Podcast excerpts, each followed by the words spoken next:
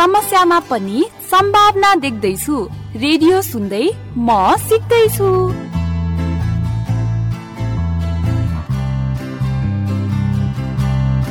कार्यक्रम म सिक्दैछु। British council Katha express my emotions matter radio audio र रेकर्ड हाउस स्टुडियोको सहकार्यमा टिच फर नेपालले उत्पादन गरेको हो। अब प्रस्तुत छ कार्यक्रम म सिक्दैछुको अङ्क पैतिस। बसन्तको रानी वन कोइलीले गीत गाउँछ शरदको आकाशमा। जुन जब जगमगाउँछ अन्नपूर्ण सागर माता हेलो साथीहरू आज शुक्रबारको दिन कसरी बिताउनु भयो अलिअलि काम पनि गर्नुभयो होला। अलिअलि रमाइलो पनि गर्नुभयो होला। अनि पढ्नु पनि त भयो होला। हिजो इङ्ग्लिसमा सिकाएको कुराहरू प्र्याक्टिस पनि गर्नुभयो होला। अनि अहिले म सिक्दैछु सुन्न तयार भएर बसिराख्नु भएको होला नि है। छैन भने पनि अब चाहिँ तयार हुनुहोस् है त। अनि आज हामीलाई के सिकाउनुहुन्छ नि रिदु दिदी र रजत दाईले? आज आभारी थ्याङ्क यू भन्छौँ नि हामी। हो त्यसैको बारेमा कुराकानी गर्ने भन्दै हुनुहुन्थ्यो। थ्याङ्क यू नि के कुरा गर्ने हो र? त्यो त मलाई पनि थाहा छैन राम्ररी तर रमाइलो हुन्छ होला।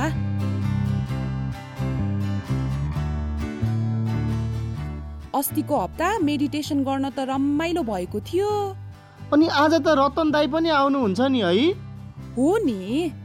दाईले डायरी पढेको सुन्न त मजा पो आउँछ त। त्यही त। साँच्चै दिदी बाबा आमा अझै आइपुग्नु भएन र। अँ छैन नि। ढिला हुन्छ होला भन्दै हुनुहुन्थ्यो। बरु रितु दिदी र रजत दाई चाहिँ आइपुग्नु भएछ। ए हो त रहेछ। ल दाई दिदी सुरु गर्नुहोस् भावनात्मक शिक्षा। साथीहरू र हामी सुन्न तयार छौँ।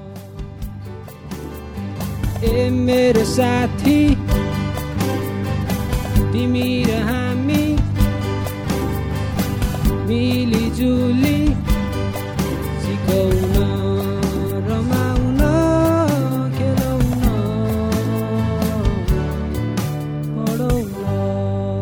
नमस्ते प्यारा भाइ बहिनीहरू एकदम न्यानो अभिवादन सबैजनालाई। म रितु दिदी। मेरो तर्फबाट पनि नमस्ते है भाइ बहिनीहरू म सिक्दैछु कार्यक्रमको यो सामाजिक भावनात्मक शिक्षाको क्लासमा सबैलाई स्वागत छ। म चाहिँ रजत दाई। सामाजिक भावनात्मक शिक्षाको कार्यक्रम सञ्चालन गर्न माई इमोसन्स म्याटर नामको संस्थाले सहयोग गरेको छ। माई इमोसन्स म्याटर एक शैक्षिक संस्था हो जसले इमोसनल इन्टेलिजेन्स अर्थात् भावनात्मक बुद्धिमत्ताको माध्यमबाट घर स्कुल र संस्थाहरूमा सकारात्मक वातावरण विकास गर्न मद्दत गर्दछ। सामाजिक भावनात्मक शिक्षालाई इङ्ग्लिसमा सोसियल इमोसनल लर्निङ भनिन्छ। यो शिक्षा हामी हाम्रो घर परिवार र साथीहरूको भावनालाई बुझेर एकअर्कालाई माया र सहयोग कसरी दिन सक्छौँ त भन्ने बारेमा हो। यसमा हामी आफ्नो भावनालाई कसरी बुझ्ने कसरी व्यक्त गर्ने र अरूको भावनालाई पनि कसरी बुझ्ने बारे कुराकानी र अभ्यासहरू गर्नेछौँ।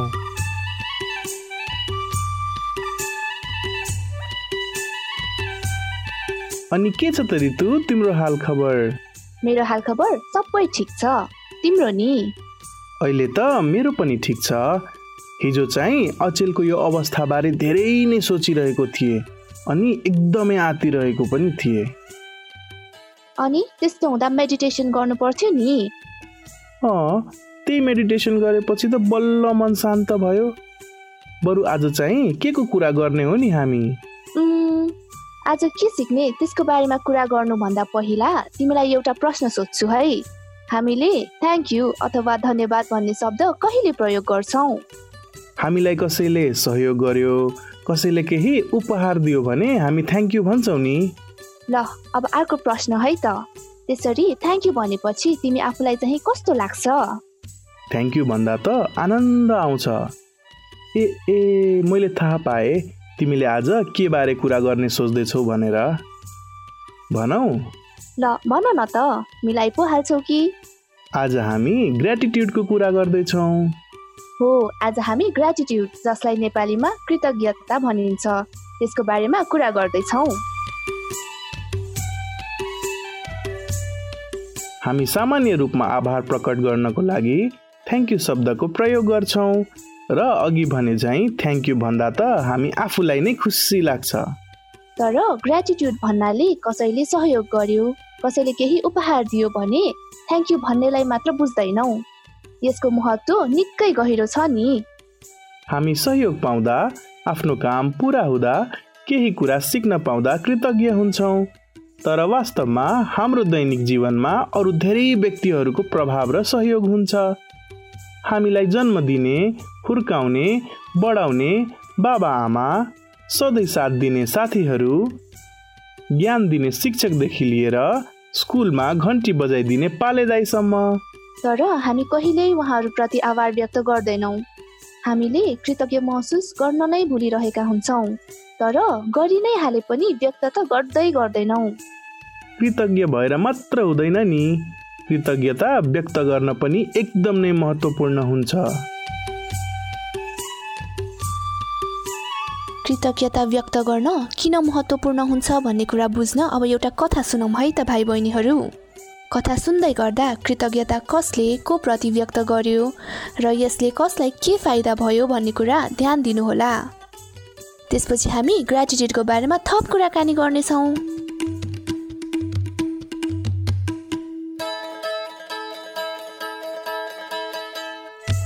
यो कथा विकास र रमेशको हो। सानैदेखि मामा घर बसेको विकास अबदेखि आफ्नै गाउँमा बस्ने गरी आयो। उसले गाउँको नजिकैको स्कुलमा भर्ना पनि लियो।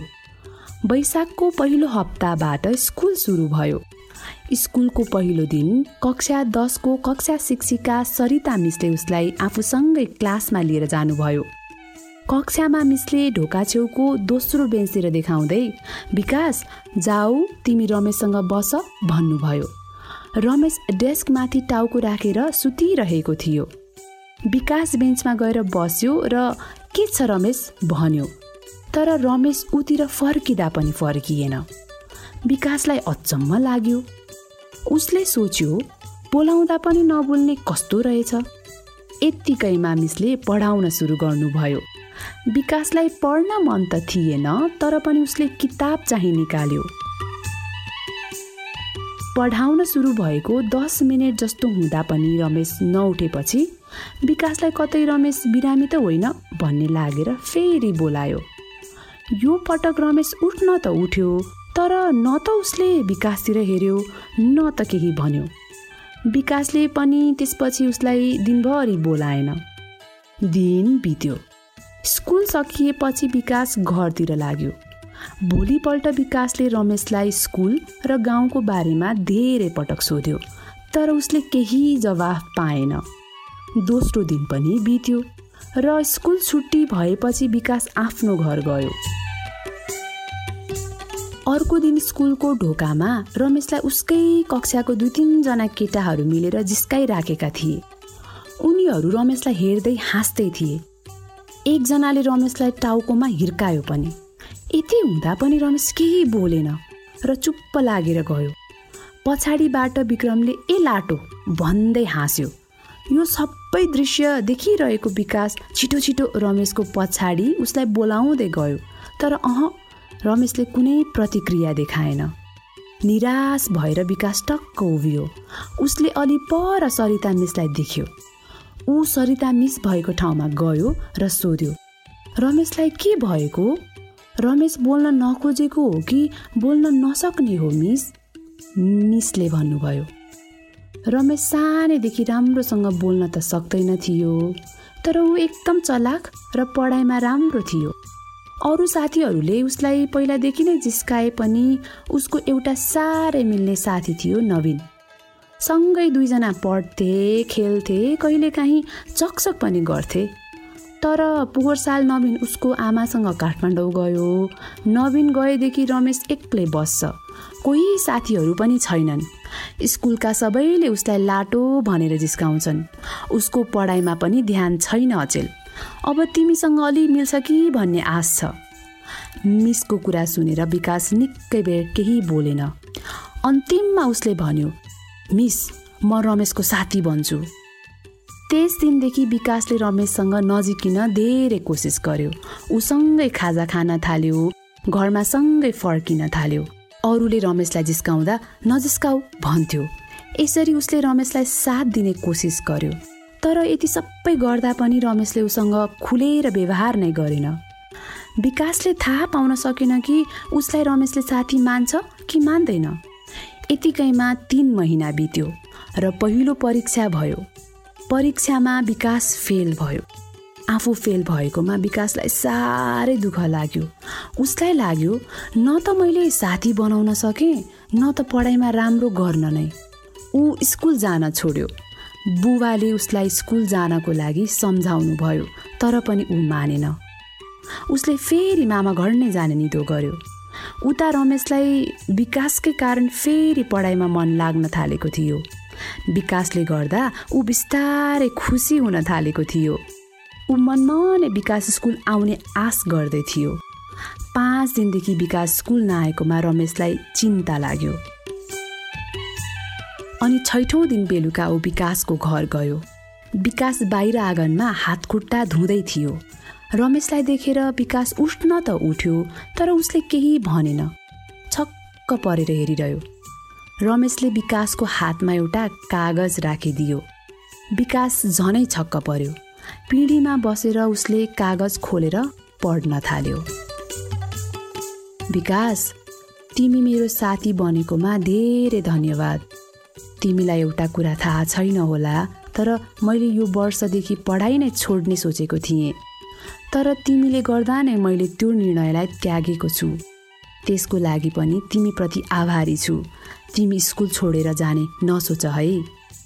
यो सबै पढेर विकास निकै खुसी भयो। ऊ खुसीले रोयो पनि। विकास खुसी भएको देखेर रमेश पनि हँसिलो अनुहार बनायो र रमाउँदै घर फर्कियो। त्यस दिनदेखि उनीहरू सँगै मिलेर बस्न थाले पढ्न थाले। दुवैले एसइईमा राम्रो अङ्क ल्याए र अहिले दुवैजना एउटै कलेजमा पढ्दैछन्।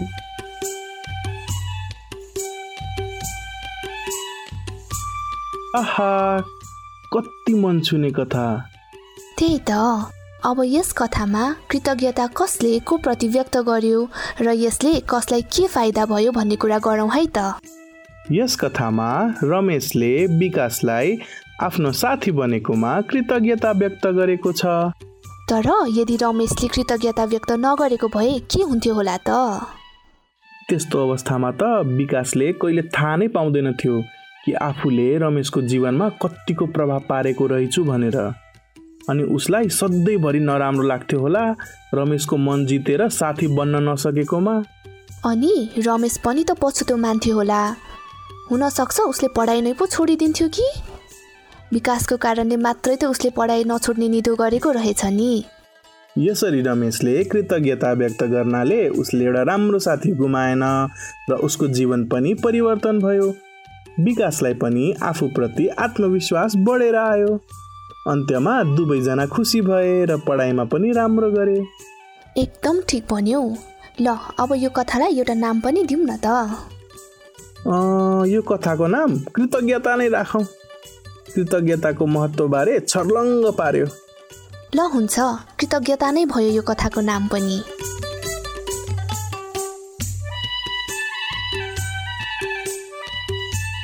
माथिको कथाबाट हामीले एक व्यक्तिले अर्को व्यक्तिप्रति कुन बेला आभारी महसुस गर्छ र आफूले महसुस गरेको आभार अर्थात् कृतज्ञता प्रकट गर्नाले के फाइदा हुन्छ भन्ने बारे थाहा पायौँ।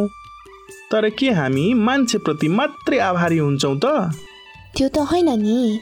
कहिलेकाहीँ कुनै चलचित्रले हामीलाई जीवन उपयोगी कुरा सिकायो भने हामी चलचित्रप्रति आभारी हुन सक्छौँ। अब अहिलेको समयमा फोनप्रति पनि आभार प्रकट गर्न सक्ने भयौँ। फोनको कारण एक अर्कासँग कुराकानी गर्न कति सहज भएको छ नि?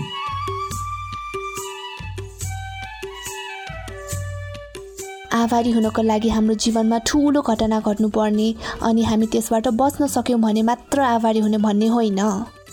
हाम्रो दैनिक जीवनमा हुने सानोभन्दा सानो चिज जसले हाम्रो जीवनलाई सहज बनाइरहेको हुन्छ त्यसप्रति कृतज्ञता व्यक्त गर्ने बानी गऱ्यौँ भने हामीलाई निकै नै फाइदा हुन्छ। त्यसैले हामीले आभार प्रकट गर्ने बानी बसाल्नुपर्छ। अब कुनै पनि कुराको बानी त यसै बस्दैन नि। बानी बसाल्न अभ्यास गर्नुपर्छ। हामीसँग एउटा अभ्यास छ। जुन अभ्यासको नाम हो आभारमयी फुल। हामी यो अभ्यास गर्दा गर्दै तपाईँहरूलाई बुझाउँछौँ है त भाइ बहिनीहरू यो अभ्यासको लागि एउटा कागज र कलम चाहिन्छ। ल रजत तिमी के के गर्ने भन? म गर्दै जान्छु। यसरी भाइ बहिनीहरूले पनि बुझ्न सजिलो हुन्छ। हुन्छ त्यसरी नै गरौँ न। के तिमीसँग पेन्सिल र कागज छ? छ मेरो ब्यागमै छ। एकछिन है त म निकाल्छु। भाइ बहिनी पनि कागज र पेन्सिल सहित तयार हुनुहोस् है त।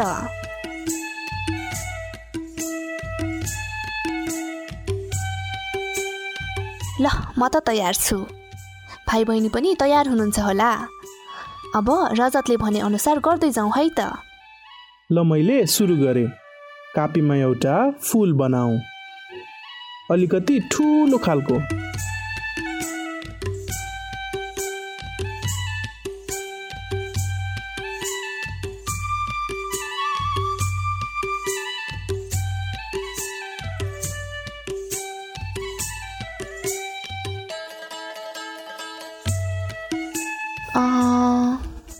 बनाइसकेँ।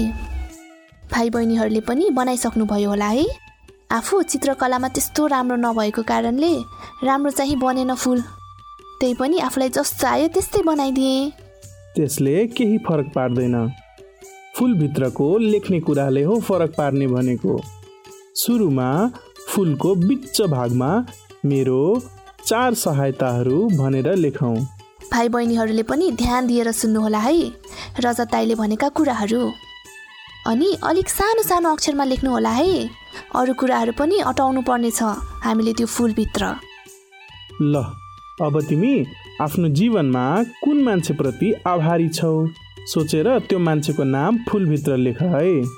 त्यो मान्छे जोसुकै हुन सक्छ। आफ्नो परिवारको सदस्य आफ्नो साथी आफ्नो विद्यालयको शिक्षक या अरू कोही पनि एउटा यस्तो व्यक्तिको नाम लेख्ने जसप्रति आफू आभारी छौ। मेरो लागि चाहिँ म मेरो आमाप्रति आभारी छु। त्यसैले मैले आमा लेखेँ फुलभित्र। सबैजनाले लेखिसक्नु भयो नि है। अब दोस्रोमा यो हप्ताभरि के कुराले आफूलाई खुसी दियो त्यो कुरा लेखौँ है। मैले एउटा किताब पढेको थिएँ यो हप्ता जसबाट मैले धेरै कुराहरू सिक्न पाएँ। र त्यसले मलाई एकदमै खुसी पनि दियो। भाइ बहिनीहरूले पनि आफ्नै हिसाबले आफ्नो जीवनमा भएका कुरा अनुसार लेख्नुहोला है। ल सबैजनाले लेख्नुभयो होला। अब तेस्रोमा चाहिँ आफू आफैप्रति किन आभारी छु भनेर लेखौँ। यसलाई बुझ्ने उदाहरण दिनुपर्दा हिजो आफू आत्तिएको समयमा मेडिटेसन गरेकोमा आफूप्रति नै आभारी छु यस्तै केही लेख्नुहोस् है। म चाहिँ यो महामारीको समयमा पनि थुप्रै नयाँ कुराहरू सिकेकोमा आफूलाई धन्यवाद दिन चाहन्छु। अब चाहिँ प्रकृतिको कुन कुराको लागि आभारी छु भनेर लेखौँ। म त प्रकृतिबाट आउने हावाको लागि एकदमै धन्यवाद ज्ञापन गर्न चाहन्छु। हावा बिना त हामी कोही पनि बाँच्न सक्दैनौँ। ल हाम्रो अभ्यास चाहिँ सकियो है भाइ बहिनीहरू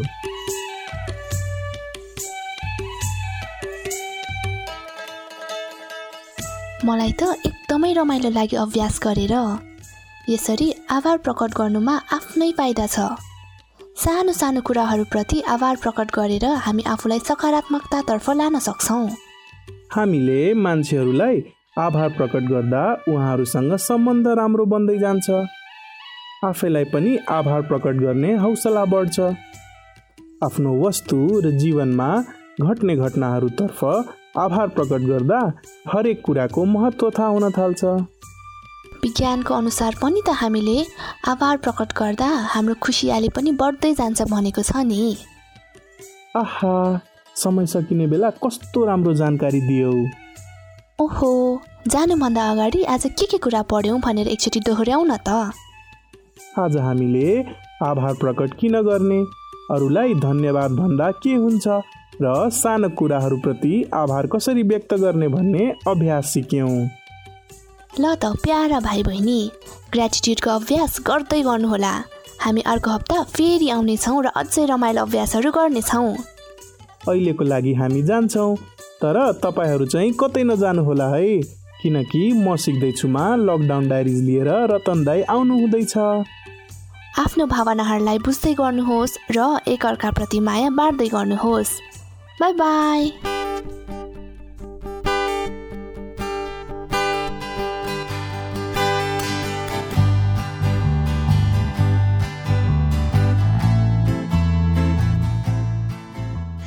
नमस्ते विद्यार्थी भाइ बहिनीहरू म सिक्दैछु कार्यक्रमको लकडाउन डायरी श्रृङ्खलामा तपाईँलाई हार्दिक स्वागत छ।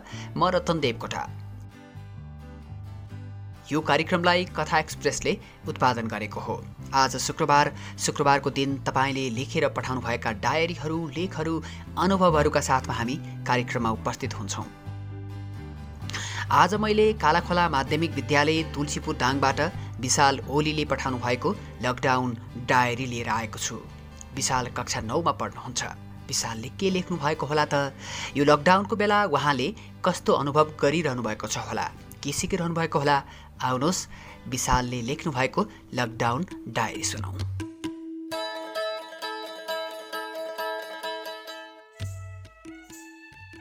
के सुनाऊ के वर्णन गरौँ हजुरलाई? यो आजित समयको खबर र दिनचर्या मेरो। म मात्र होइन होला सायद। म जस्तै हजारौँ व्यक्तिहरूलाई यस्तै दुखी दिनले सताइरहेको छ होला। सर्वप्रथम छिमेकी देश चिनमा थियो गुहार गुहार आवाज सुनिएको। बिस्तारै विश्वभर फैलियो। जब कोरोनाको प्रभाव अन्य देशमा पर्दै गयो तब हाम्रो देश नेपालमा पनि यसको विशाल तरङ्गले झड्का दिन थाल्यो। त्यसैले गर्दा छयत्तर सालको आधारभूत कक्षाको वार्षिक परीक्षा पनि फागुनमै गर्ने निर्णय गरियो। केही कोर्स बाँकी भएको कारणले हामीलाई केही समस्या परेको थियो।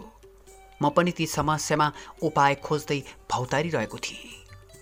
त्यही उपायको खोजी गर्दा गर्दै मैले सफलताको ढोका नामक एउटा कक्षा सञ्चालन गर्ने निर्णय गरेँ जसमा हामी आफ्नो कोर्सका कुरा सँगसँगै गजल लेख्ने र सामान्य ज्ञानहरू पढ्ने गर्न थाल्यौँ र यो कक्षा बिहान चार बजेदेखि छ बजीसम्म सञ्चालन हुने भयो। भन्दा भन्दै परीक्षा पनि सकियो। वार्षिक परीक्षा सँगसँगै एसी पनि नजिकै आउँदै थियो तर कोरोनाको कारणले एसी स्थगित गरियो। मेरो दिदी जस्तै अरू पनि एसी दिन एकदम उत्सुक हुनुहुन्थ्यो होला। तर सरकारको निर्णय एकातिर राम्रो पनि थियो किनकि एसी दिने क्रममा सङ्क्रमण पनि बढ्न सक्थ्यो होला। चैत्र एघार गतेदेखि सरकारले एक हप्ताका लागि लकडाउन घोषणा गर्यो। लकडाउन खुल्छ भनेर आशा र प्रतीक्षामा बसेका नागरिकलाई लकडाउन लम्बिने कुराले ज्यादै दुखी तुल्यायो। काम गरेर खाने मानिसलाई निकै कठिन भएको छ। रोगले होइन भोकले मरिन्छ कि डर छ मन मनमा हाम्रै बिचमा पनि एकजना अङ्कल यस्तै परिस्थितिमा हुनुहुन्थ्यो। राहत त आउँथ्यो तर उहाँको परिवारलाई धेरै पुग्दैन थियो अनि मलाई उहाँको दुखेसो सुनाउनुहुन्थ्यो सम्झाउने प्रयास गर्थेँ। जसरी शिक्षक र विद्यार्थी बिना विद्यालय खाली हुन्छ नि त्यसरी नै शिक्षक र शिक्षा बिना विद्यार्थीको जीवन पनि उदास हुँदो रहेछ। आज मलाई त्यही महसुस भइरहेको छ। यसै क्रममा रेडियो र अनलाइन कक्षा सञ्चालन हुन थाल्यो र सँगसँगै टिच फर नेपालबाट म सिक्दैछु रेडियो कार्यक्रम पनि सुरु भयो। जसले गर्दा ममा छुट्टै प्रोत्साहन प्रदान भयो। रेडियो सुन्दै सिक्न थालेँ। तर मनमा एउटा कुरा आइरहन्थ्यो। इन्टरनेटबाट हुने अनलाइन कक्षाले गर्दा पढाइ मात्र नभई विद्यार्थीको ध्यान अन्ततिर पनि लाग्न सक्ने भएकाले उनीहरूको मानसिक स्वास्थ्यमा नराम्रो असर पर्छ कि भन्ने लाग्छ। बरु कुनै चौतारोमा सानो सानो समूह बनाएर प्रत्यक्ष कक्षा भए त्यो प्रभावकारी हुन्थ्यो कि लागिरहेको छ? यो सँगै समाचारबाट कोरोनाको असर बढ्ने क्रम पनि सुनिन्थ्यो जसले गर्दा मन भारी र अमिलो हुन्थ्यो। सिङ्गो देशको हेरचाह गर्ने स्वास्थ्यकर्मी तथा सुरक्षाकर्मीहरूले आफ्नो काम धेरै मेहनतसँग गर्नुभएको देख्दा मन चङ्गा झैँ खुसी हुन्छ। तर स्वास्थ्यकर्मी तथा सुरक्षाकर्मीहरूमा पनि कोरोना सङ्क्रमण भएको खबर सुन्दा नरमाइलो महसुस भइरहेको छ। उहाँहरूलाई उच्च प्राथमिकतामा राख्न जरुरी छ।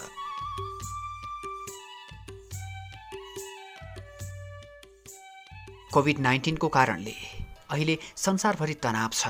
मेरो गाउँमा पनि धेरै समस्या आइपरेका छन्। यहाँका बुढा वृद्ध आमा बुवाहरू अस्पताल जान चाहनुहुन्छ तर गाडी नभएर उहाँहरू अस्पताल जानसम्म पनि पाउनु भएको छैन।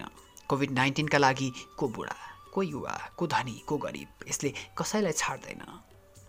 हाम्रो समाजमा सबै छटपटिरहेका छन् तर रोगले मात्र होइन भोग र डरले त्यत्तिकै छटपटाइरहेका छन् यहाँका मानिसहरू। यहाँका मानिसहरूले राम्रो खाना पनि पाएका छैनन्। किनेर खाउँ भने पनि सबै बजार बन्द छन्। यसै गरी बजारमा भाउ पनि आकाशिँदै छ। एक नम्बर आलुलाई पनि अहिले चार सय भन्न थालिसकेका छन्। त्यस्तै तालो भने गरिबहरूलाई बाँच्न निकै गाह्रो र कठिन हुने भइसकेको छ। यो सबै देख्दा किसानहरूले किनेर भन्दा बरु खेती किसानी नै गरेर खान्छु भन्न थालिसकेको पनि मैले देखिरहेको छु। तर यो महामारी चलिरहेको बेलामा किसानहरूले पनि धेरै गाह्रो अप्ठ्यारो महसुस गरिरहेका छन्। कोभिड नाइन्टिनले हामीलाई मात्र नभएर सारा संसारलाई नै दुःख दिइरहेको छ। लाखौँ परिवारहरू यसका शिकार हुन पुगेका छन्। महामारीले निम्ति आएको आर्थिक सङ्कटले दुई हजार बिसको अन्त्यमा थप आठ करोड सत्तरी लाख बालबालिकाको पारिवारिक अवस्था गम्भीर गरिबीतिर धकलिने तथ्याङ्क पनि सुन्छु। मन झसङ्ग हुन्छ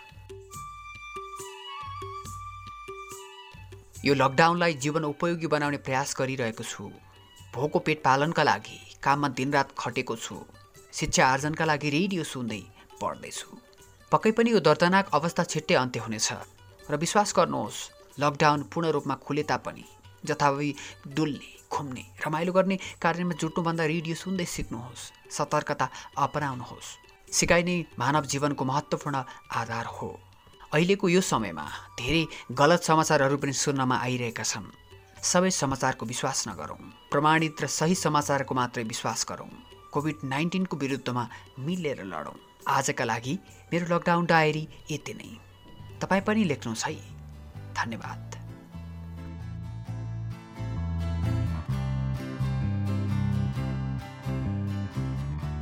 विद्यार्थी भाइ बहिनीहरू भर्खरै हामीले सुनेको डायरी विशाल ओलीले लेख्नु भएको हो। यति मिठो सुन्दर डायरीका लागि विशाललाई धेरै धेरै धन्यवाद छ। यसै गरी निरन्तर आफ्ना अनुभवहरू लेख्दै जानुहोला। हाम्रो तर्फबाट धेरै धेरै शुभकामना छ। लकडाउनको बेला आफ्नो गाउँघर छरछिमेकमा तपाईँका आफ्ना विशेष सिकाइ तथा भोगाइ हुन सक्छन्। तर जसले लेख्ने प्रयास गर्नुहुन्छ नि उहाँको डायरी सबैले सुन्न पाउँछन्। अनुभव लेख्नेको अनुभव बाँच्छ। लेखेनौँ भने बिर्सिएर जान्छ हराएर जान्छ। त्यसैले जति सकिन्छ लेख्ने प्रयास गरौँ। लकडाउनको बेला तपाईँले के के गरिरहनु भएको छ? सजिलो अप्ठ्यारो के के भइरहेको छ? के सिकिरहनु भएको छ? तपाईँको गाउँटोलको खबर कस्तो छ? दिनभरि के के गर्नुहुन्छ? लगायतका आफ्ना अनुभवहरू चार सय पचासदेखि छ सय पचास शब्दमा लेखेर हामीलाई पठाउनु भयो भने तपाईँले लेखेको डायरीलाई हामी अडियो बनाउनेछौँ। तपाईँले लेखेको कुरा हजारौँ व्यक्तिहरूले सुन्न सक्नुहुनेछ। तपाईँको डायरी सुनेर अरू साथीहरूलाई पनि लेख्न मनोबल दिनेछ। तपाईँलाई पनि थप लेख्ने हौसला प्रदान गर्नेछ आत्मविश्वास बढाउनेछ। त्यसो भए किन नलेख्ने त? लेखौँ लेखौँ र लेखौँ। लेखेर आफ्नो परिचय दिउँ लेखेर मात्रै भएन तपाईँले लेखेको डायरी हामीसम्म पनि पुग्नुपर्छ। तर कसरी? चिन्ता मार्नु पर्दैन। हाम्रो कार्यक्रमको ठेगानामा तपाईँले आफ्नो डायरी पठाउनुभयो भने हामी प्राप्त गर्नेछौँ। एक्सप्रेस कथा एट जिमेल डट कममा तपाईँले हामीलाई मेल गर्न सक्नुहुन्छ। यदि मेल गर्न तपाईँलाई असहज लागेमा तपाईँ हाम्रो फेसबुक पेज कथा एक्सप्रेसमा गएर म्यासेज पनि पठाउन सक्नुहुन्छ। कथा एक्सप्रेस पेजलाई लाइक तथा फलो गर्नुभयो भने थप नयाँ नयाँ कथाहरू सुन्न सक्नुहुनेछ। आउने शुक्रबार तपाईँ जस्तै साथीले लेखेर पठाउनु भएको डायरी लिएर आउनेछु। त्यतिन्जेलसम्मका लागि म रतन देवकोटा आजका लागि आज्ञा माग्छु। नमस्कार। ए मेरो साथी तिमी र हामी मिलिजुली आजको डायरीले त हाम्रो गाउँदेखि देशकै समस्यालाई नै व्यक्त गरेको छ। यसले हामी सबैलाई सोच्ने बनाउने रहेछ। दिदी यो कोरोनाले गर्दा त गरिबी बढेको किसानले दुःख पाएको कुरा त हो नि। त्यही त। दिदी बरु हामी आमा बालाई चिठी लेखौँ न। कति खुसी हुनुहुन्छ होला। कृतज्ञता दिनको लागि। हुन्छ नि लेखौँ लेखौँ। आमालाई एउटा बाबालाई एउटा।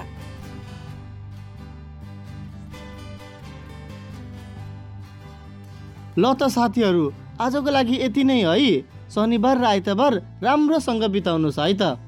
बरु तपाईँहरू पनि हामीले जस्तै आफ्नो बाबा आमालाई धन्यवाद भनेर एउटा चिठी लेख्नु नि है। ल अहिलेको लागि छुटौ है त। बाई। सम्झिराख्नुहोस्। कोरोनाबाट बच्न मास्क लगाऊ सामाजिक दूरी कायम गरौँ र समय समयमा मिची मिची हात धुने गरौँ। आफ्नो पढ्ने सिक्ने बानी जारी राखौँ। जीवनका प्रत्येक क्षणप्रति कृतज्ञ बनौँ। मेलोडी बिटीले भने चाहिँ कृतज्ञताले बितेको समयलाई बुझाउँछ आजको समयमा शान्ति ल्याउँछ र भोलिको लागि दृष्टिकोण दिन्छ gratitude makes sense of our past brings peace for today and creates a vision for tomorrow.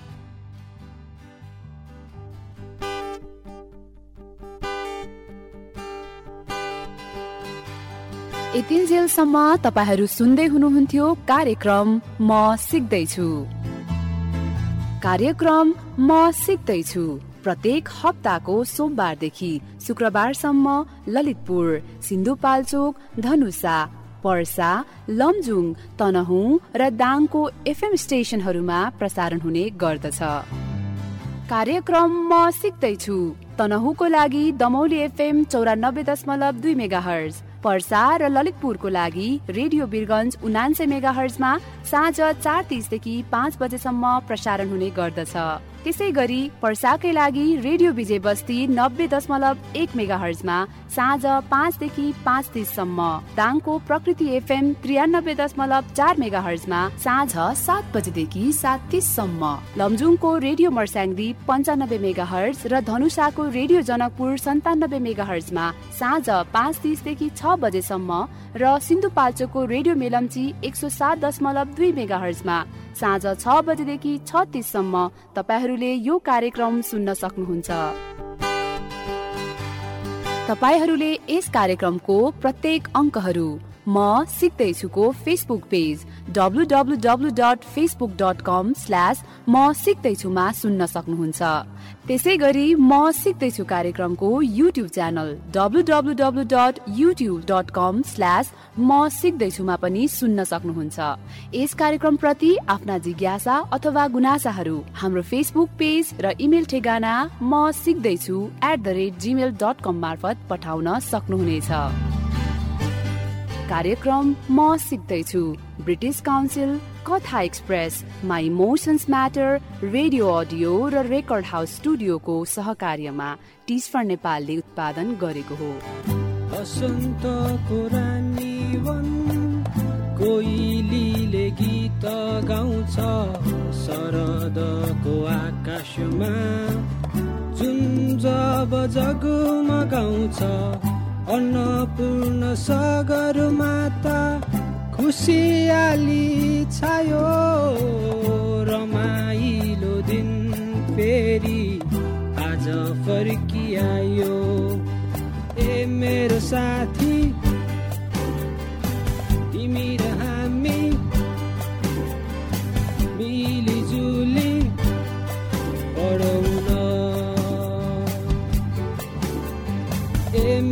A